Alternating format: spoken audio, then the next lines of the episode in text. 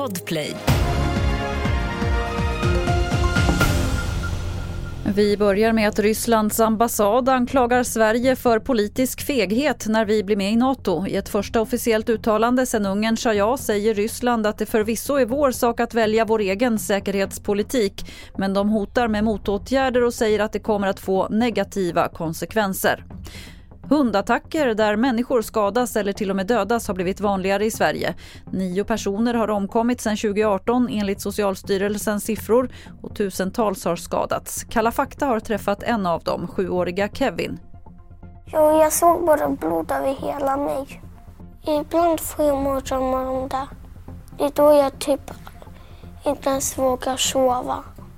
Vad tycker du om hundar idag, Kevin? Jag blir bara rädd. Reporter här var Maria J Holmgren. Ägaren till hunden dömdes till dagsböter för vållande av kroppsskada och hunden måste hållas kopplad.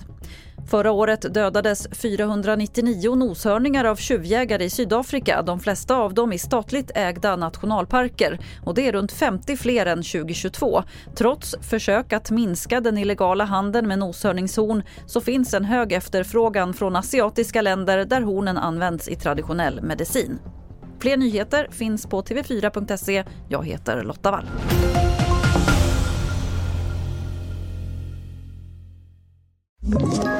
Ett poddtips från Podplay.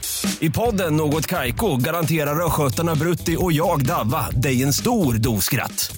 Där följer jag pladask för köttätandet igen. Man är lite som en jävla vampyr. Man har fått lite blodsmak och då måste man ha mer.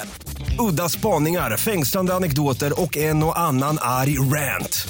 Jag måste ha mitt kaffe på morgonen för annars är jag ingen trevlig människa. Då är du ingen trevlig människa, punkt. Något Kaiko, hör du på Podplay. Därför arkadeinerna.